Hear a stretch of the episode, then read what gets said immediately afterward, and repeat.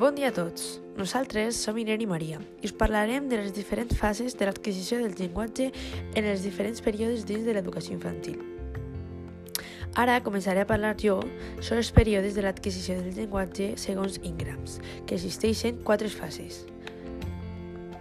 El període prelingüístic, que s'encontra en el primer any, el període d'un mot, eh, que s'encontra des de l'any a l'any mig, eh, les primeres combinacions de mots des de l'any i mig als dos anys i, per última, les fases simples i compostes, als tres anys. Cal destacar que l'etapa prelingüística s'aconsegueix en el primer any i mig de vida.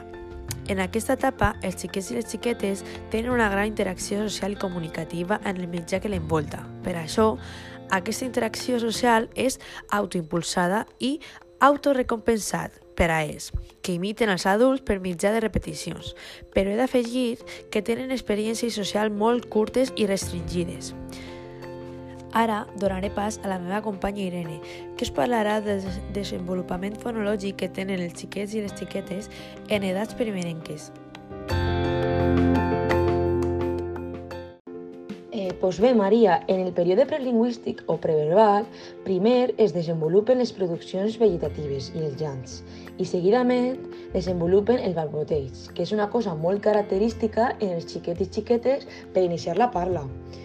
I en quant a l'adquisició fonològica, en el període lingüístic, en els xiquets se desenvolupen les primeres paraules eh, dels xiquets i seguidament es produeix l'expansió fonològica cap a les 4 anys, més o menys.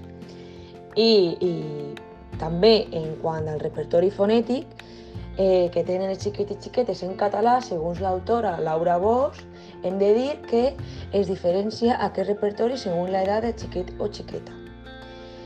I en referència a les vocals, es desenvolupen fins als dos anys i en quant als fonemes nasals oclusius fricatius, es desenvolupen a partir dels 3 anys, les xiquets i xiquetes. I també, per a finalitzar, els fonemes líquids, vibrants i laterals es poden observar un progrés en les diferents etapes. Per exemple, la i la T als 3-4 anys i eh, la doble L als 4-5 anys i la doble R als 6-7 anys. I el desenvolupament lèxic i semàntic dels xiquets? Quan es desenvolupa? En el primer any de vida, els xiquets realitzen protoparaules, és a dir, formes fonèticament conscients acompanyades de gestos i sons pausats cap al 12 o 18 mesos, comencen a dir les primeres paraules.